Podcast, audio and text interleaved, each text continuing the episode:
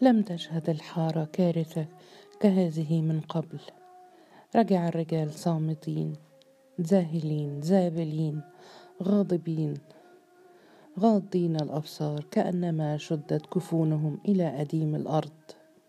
ووجدوا أنباء الهزيمة قد سبقتهم إلى الحارة وأن الربوع ترتج باللطم والعويل وانتشر الخبر في الحارات والأزقة وباتت سمعة الحارة الرهيبة احدوثه تلوكها ألسنة التشفي. وتبين أن حي الجرابيع بأسره. قد غادر الحارة خوفا من الانتقام. فخلت الدور والدكاكين. ولم يشك أحد في أنهم سينضمون حتما إلى ابن حيهم المنتصر فيزداد بهم عددا وقوة. وخيم الحزن على الحارة المكللة بالحداد. لكن أنفاسه الحارة قطرت حقدا ومقتا ورغبة في الانتقام. وإذا برجال من جبل يتساءلون عن فتونه الحارة ولمن تكون؟ وإذا بالسؤال نفسه يتردد على ألسنة في حي رفاعة فانتشر سوء الظن انتشار التراب في العاصفة وعلم الناظر رفعت بما تهكس به الخواطر فدعا حجاج وجلطة إلى مقابلته. وذهب الرجلان وحول كل منهما رجاله الأشداء حتى غطى بهم بهو الناظر. واحتل كل فريق جناحا من البهو فكأنه لم يعد يأمن الاختلاط بجيرانه وقد أدرك الناظر مغزى هذا فازداد غما على غم وقال تعلمون أن كارثة حلت بنا لكننا لم نمت. ولم يقضى علينا ولم يزل في وسع سواعدنا أن تحقق لنا النصر على شرط أن نحافظ على وحدتنا. وإلا فقولوا علينا السلام. فقال رجل من جبل ستكون الضربة الأخيرة لنا وما شدة إلا وبعدها الفرج وقال حجاج لولا اعتصامهم بالجبل لهلكوا عن آخرهم وقال الثالث لاقاهم لهيطة بعد رحلة طويلة شاقة تبرك بعدها الجمال. فقال الناظر بامتعاض حدثوني عن وحدتكم ما شأنها؟ فقال جلطة نحن بفضل, بفضل الله إخوان وسنظل كذلك. فقال الناظر هذا قولك لكن مجيئكم بعددكم الوفير هذا ينم على الارتياب الذي يفرق بين قلوبكم. فقال حجاج بل دعت إلى ذلك رغبة الجميع في الانتقام. وقف الناظر متوتر الأعصاب وقال مقلبا عينيه في الوجوه الكالحة كونوا صريحين إنكم تنظرون بعضكم إلى بعض بعين وتنظرون بالأخرى إلى فتونة الحارة إلى مكان لهيط الخالي ولن تعرف الحاره الأمان ما دامت هذه الحال. وأخشى ما أخشاه أن تتداخل النبابيت في الأمر فتهلكوا جميعا. ويأكلكم قاسم لقمه سائغه فارتفعت أصوات كثيرة تقول في نفس واحد نعوذ بالله من ذلك. فقال الناظر بصوت قوي واضح لم يعد بالحارة إلا حي جبل ورفاعة فليكن عليها فتوتان. ولا ضروره للفتو الواحد ولنتعاهد على ذلك ولتكن يدا واحدة على الخارجين. وانقضت ثواني صمت رهيبة ثم رددت أصوات في فتور. نعم نعم. وقال جلطه سنرضى بذلك على الرغم من أننا أسياد الحارة. منذ القدم. فقال حجاج محتجا ليكن القبول بلا من لا سادة هنا ولا خدم وبخاصة بعد ذهاب الجرابيع. ومن ذا ينكر أن رفاعة كان أنبل من عرفت حارتنا. فهتف جلطة محتدا حانقا. حجاج أنا عارف قلبك. وهم رفاعة بالكلام ولكن النظر صرخ غاضبا. خبروني هل عزمتم على أن تكونوا رجالا أو لا؟ إن أي نبأ يطير عن ضعفكم. سيعقبه زحف الجرابيع من الجبل كالذئاب. خبروني هل ستستطيعون أن تقفوا صفا واحدا أو أرى لنفسي وجهة أخرى؟ فصاح أفراد من هنا ومن هناك. هس عيب يا رجال حارتنا على وشك أن تفقد كل شيء. وتطلعت إليه الوجوه في تسليم فقال ما زلتم متفوقين في العدد والقوة ولكن لا تهاجموا الجبل مرة أخرى. وارتسم التساؤل على الوجوه فأردف قائلا سنحبسهم فوق الجبل سنتربص لهم أمام المسلكين المفضين للجبل. فإما يموتون جوعا وإما يضطرون إلى النزول إليكم فتقضون عليهم. فقال جلطة نعم الرأي به أشرت على لهيطة رحمه الله ولكنه اعتد الحصار جبنا وأبى ألا أن يهاجم. وقال حجاج هو الرأي ولكن ينبغي تأكيل تنفيذه حتى يرتاح الرجال. وطلب الناظر إليهم أن يتعاهدوا على الإخاء والتعاون فتصافحوا ورددوا الأقسام. وبدا لكل ذي عينين فيما تبع ذلك من أيام. أن غلطة وحجاج يشتدان في معاملة أتباعهما لتغطية آثار الهزيمة التي لحقتهما. وأذاع في الحارة أنه لولا حماقة لهيطة لقضي على قاسم بلا مشقة ولكن إصراره على صعود الجبل أنهك رجاله فذهب بقوتهم وشجاعتهم. ولاقاهم عدوهم وهم على أسوأ حال. وصدق الناس ما قيل لهم.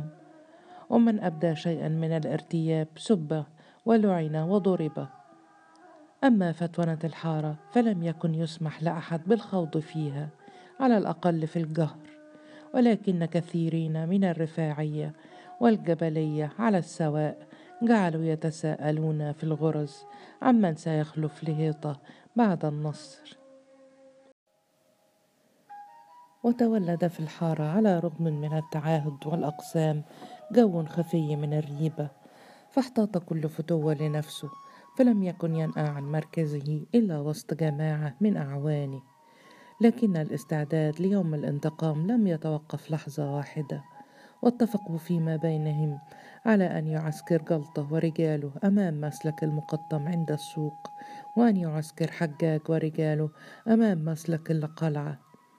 وسوف يلازمون أماكنهم ولو بقوا عمرا. وستسرح النساء للبيع والشراء ويجئنهم بالطعام.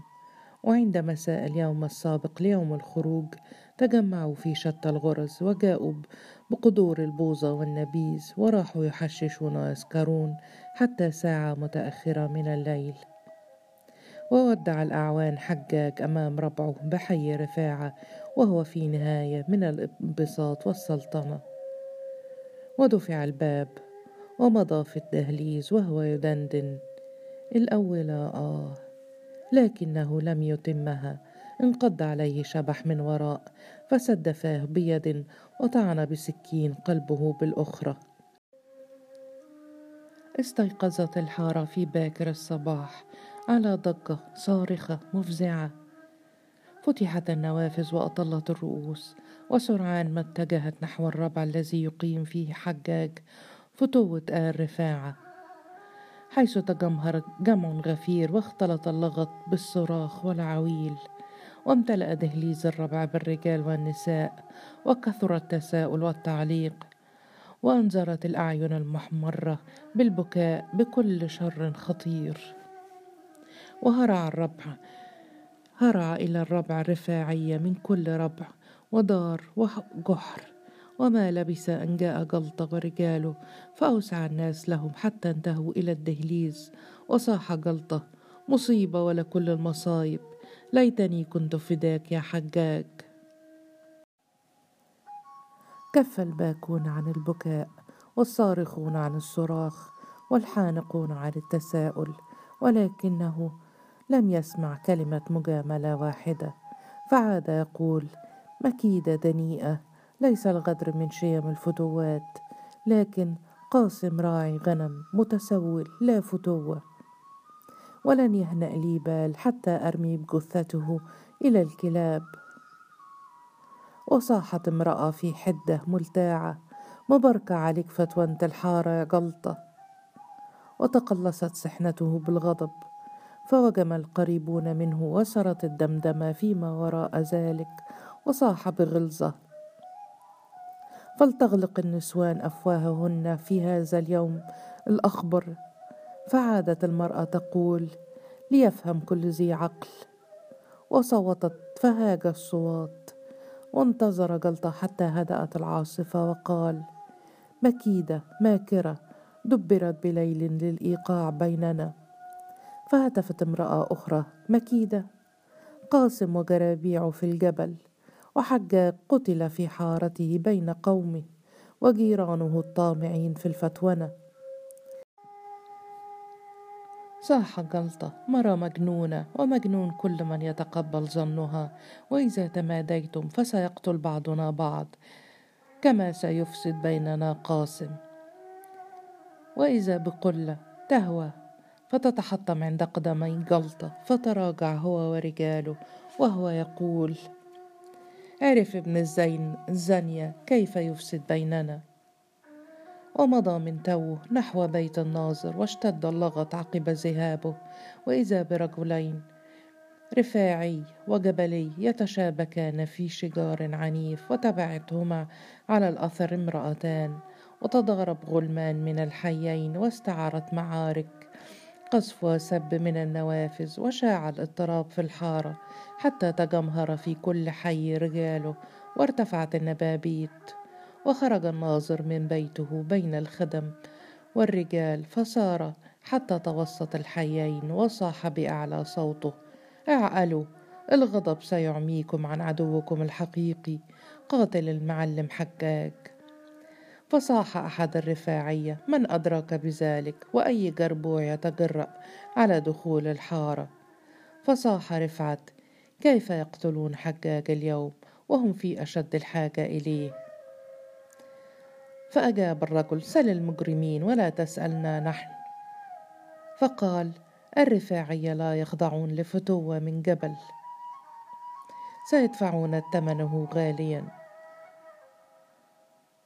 عاد الناظر يصيح لا تطيعوا المكيدة وإلا رأيتم قاسم زاحفا عليكم كالوباء. فأجاب الرجال فليأتي قاسم إذا شاء ولكن لن يكون جلطة فتوة علينا. فقال الناظر وهو يطرب كفا بكف انتهينا وسيدركنا الخراب فتعالت الأصوات. الخراب خير من جلطة وقذفت طوبة من حي رفاعة فاستقرت بين الرجال في حي جبل وأجاب حي جبل بالمثل ورجع الناظر مسرعا وإذا بالطوب ينهمر من الجانبين وسرعان ما اشتبك الحيان في معركة دامية واشتد الضرب في قسوة بالغة وامتدت المعركة إلى بعض الأسطح حيث تبادل النساء قذف الطوب والحصى والتراب والأخشاب. وتواصل الاشتباك فترة طويلة على الرغم من أن الرفاعية كانوا يقاتلون بغير فتوتهم. ولكن كثر صرعاهم أمام الضربات جلطة التي لا تخيب وإذا بأصوات النساء تنطلق من النوافذ في ضوضاء غير متميزة. ضاعت في ضوضاء المعركة غير أن النساء بدون وهن يشرن بأيديهم في فزع تارة نحو طرف الحارة الشرقي وطورا نحو الطرف الآخر. والتفت أناس إلى حيث تشير النساء. رأوا قاسم أمام البيت الكبير. يتقدم في عصبة من رجاله تسبقهم نبابيتهم. ورأوا في الطرف الآخر حسن. يتقدم في عصبة أخرى ضج المكان بصيحات التحذير وتتابعت الأحداث في سرعة خاطفة. أمسكت الأيدي عن الضرب كأنما شلت وبدافع عفوي تكتلوا وتداخلوا الضارب منهم والمضروب.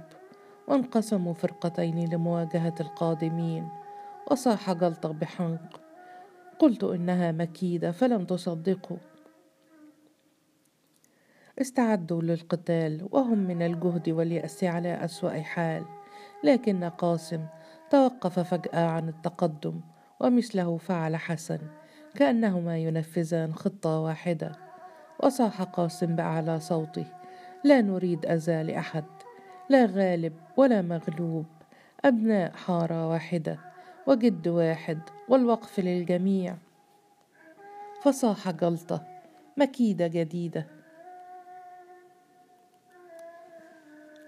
قال قاسم غاضبا لا تدفعهم إلى القتال دفاعا عن فتوانتك دافع عنها وحدك. إذا شئت وصرخ جلطة اهجموا. وانقض على مجموعة قاسم. رجال وانقض آخرون على حسن ورجاله. تردد كثيرون تسلل الجرحى إلى الربوع وكذلك المنهكون ثم تبعهم المترددون. لم يبق إلا جلطة وعصابته ولكنهم خاضوا معركة شديدة على رغم ذلك واستمناتوا في الدفاع. تضاربوا بالنبابيت والرؤوس والأقدام والأيدي وركز جلطة هجومه على قاسم بحقد أعمى. تبادل ضربات عنيفة ثم مضى قاسم يتلقى ضربات خصمه بنبوده في خفة وحذر.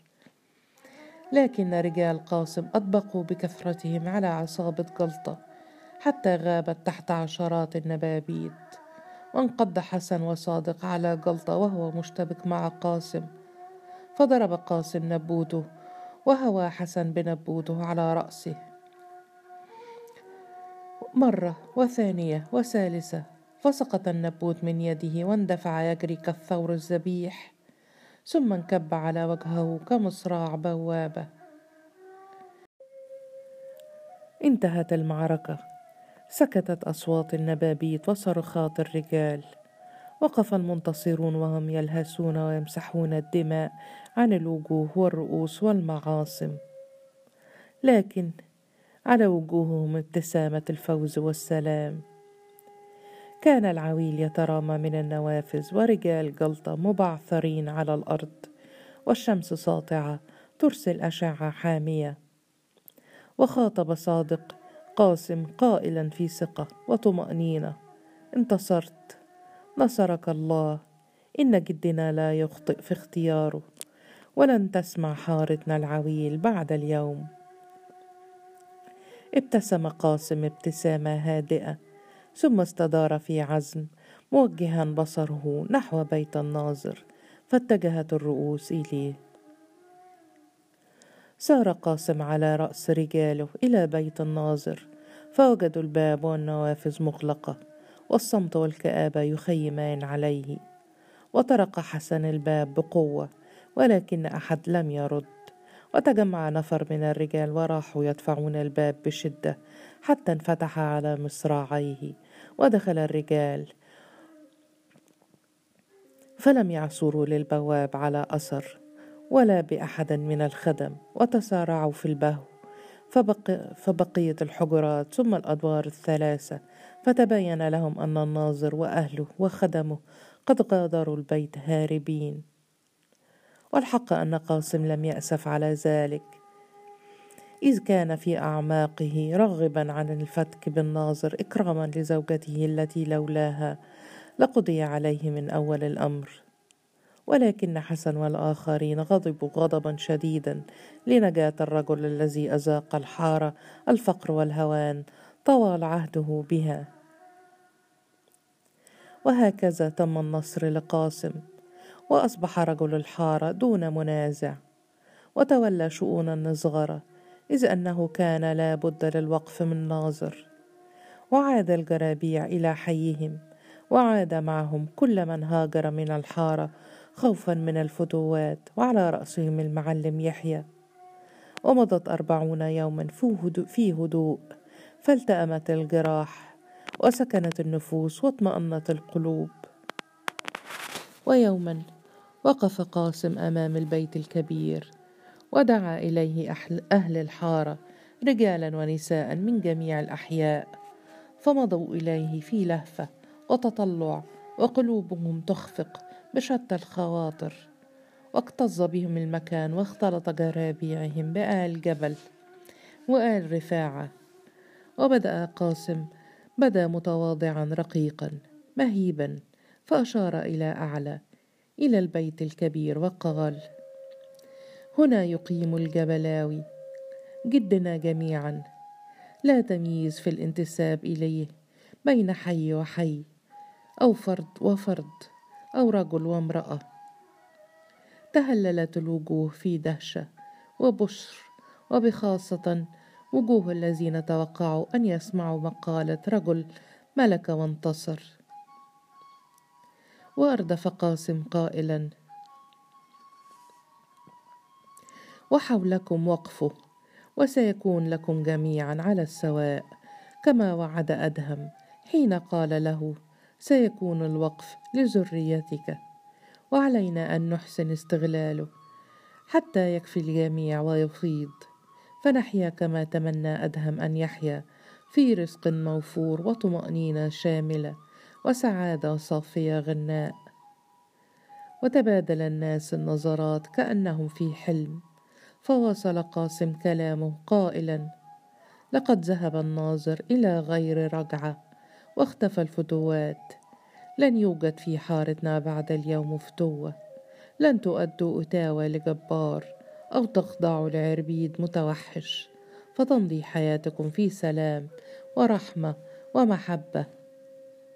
وقلب عينيه في الوجوه المستبشرة وقال وبيدكم أنتم ألا يعود الحال كما كان. راقبوا ناظركم فإذا خان اعزلوه وإذا نزع أحدكم إلى القوة اضربوه وإذا ادعى فرد أو حي سيادة أدبوه.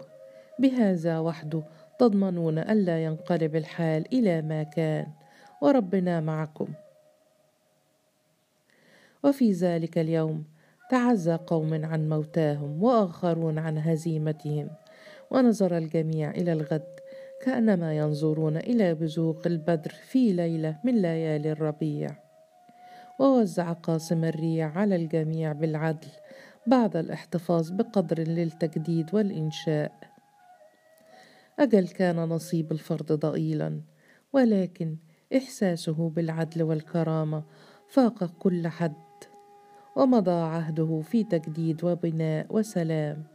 ولم تنعم حارتنا قبله بمثل ما نعمت به في ايامه من الوحدة والألفة والسعادة. أجل كان ثمة آحاد في آل جبل يضمرون غير ما يظهرون ويتهامسون فيما بينهم. أنكون من جبل ويحكمنا جربوع من الجرابيع. ومثلهم وجد في آل رفاعة بل لم يخل الجرابيع من نفر أخذتهم العزة والزهو. ولكن صوتا لم يرتفع لتعكير الصفو في عهده. ورأى الجرابيع فيه طرازا من الرجال لم يوجد مثله من قبل ولن يوجد مثله من بعد. جمع بين القوة والرقة والحكمة والبساطة والمهابة والمحبة والسيادة والتواضع والنظارة والأمانة وإلى ذلك كله كان ظريفا بشوشا انيقا وعشيرا تطيب مودته فضلا عن ذوقه الجميل وحبه الغناء والنكته لم يتغير من شأنه شيء اللهم إلا أنه توسع في حياته الزوجية كأنما جرى فيها مجرى. في كأنما جرى فيها مجراه في تجديد الوقف وتنميته. فعلى حبه بدرية تزوج حسناء من آل جبل وأخرى من آل رفاعة. وقال أناس في ذلك إنه يبحث عن شيء افتقده منذ فقد زوجته الأولى أمر. وقال عمه زكريا إنه يريد أن يوثق أسبابه بأحياء الحارة جميعاً. لكن حارتنا لم تكن بحاجة إلى تفسير أو تعليل لما حدث بل الحق. إنها إذا كانت أعجبت به الأخ أعجبت به لاخلاقه مرة فقد أعجبت به لحيويته مرات. وإن حب النسوان في حارتنا مقدرة يتيه بها الرجال والزهون ومنزلة تعدل في درجاتها الفتونة في زمانها أو تزيد. ومهما يكن من أمر فإن حارتنا لم تشعر قبله بالسيادة حقا وبأن أمرها قد آل إلى نفسها دون ناظر يستغل أو فتوة يستزل. ولا عرفت قبله ما عرفت أيامه من الإخاء والمودة والسلام. وقال كثيرون إنه إذا كان آفة حارتنا النسيان فقد آن لها أن تبرأ من هذه الآفة وإنها ستبرأ منها إلى الأبد. هكذا قالوا هكذا قالوا يا حارتنا.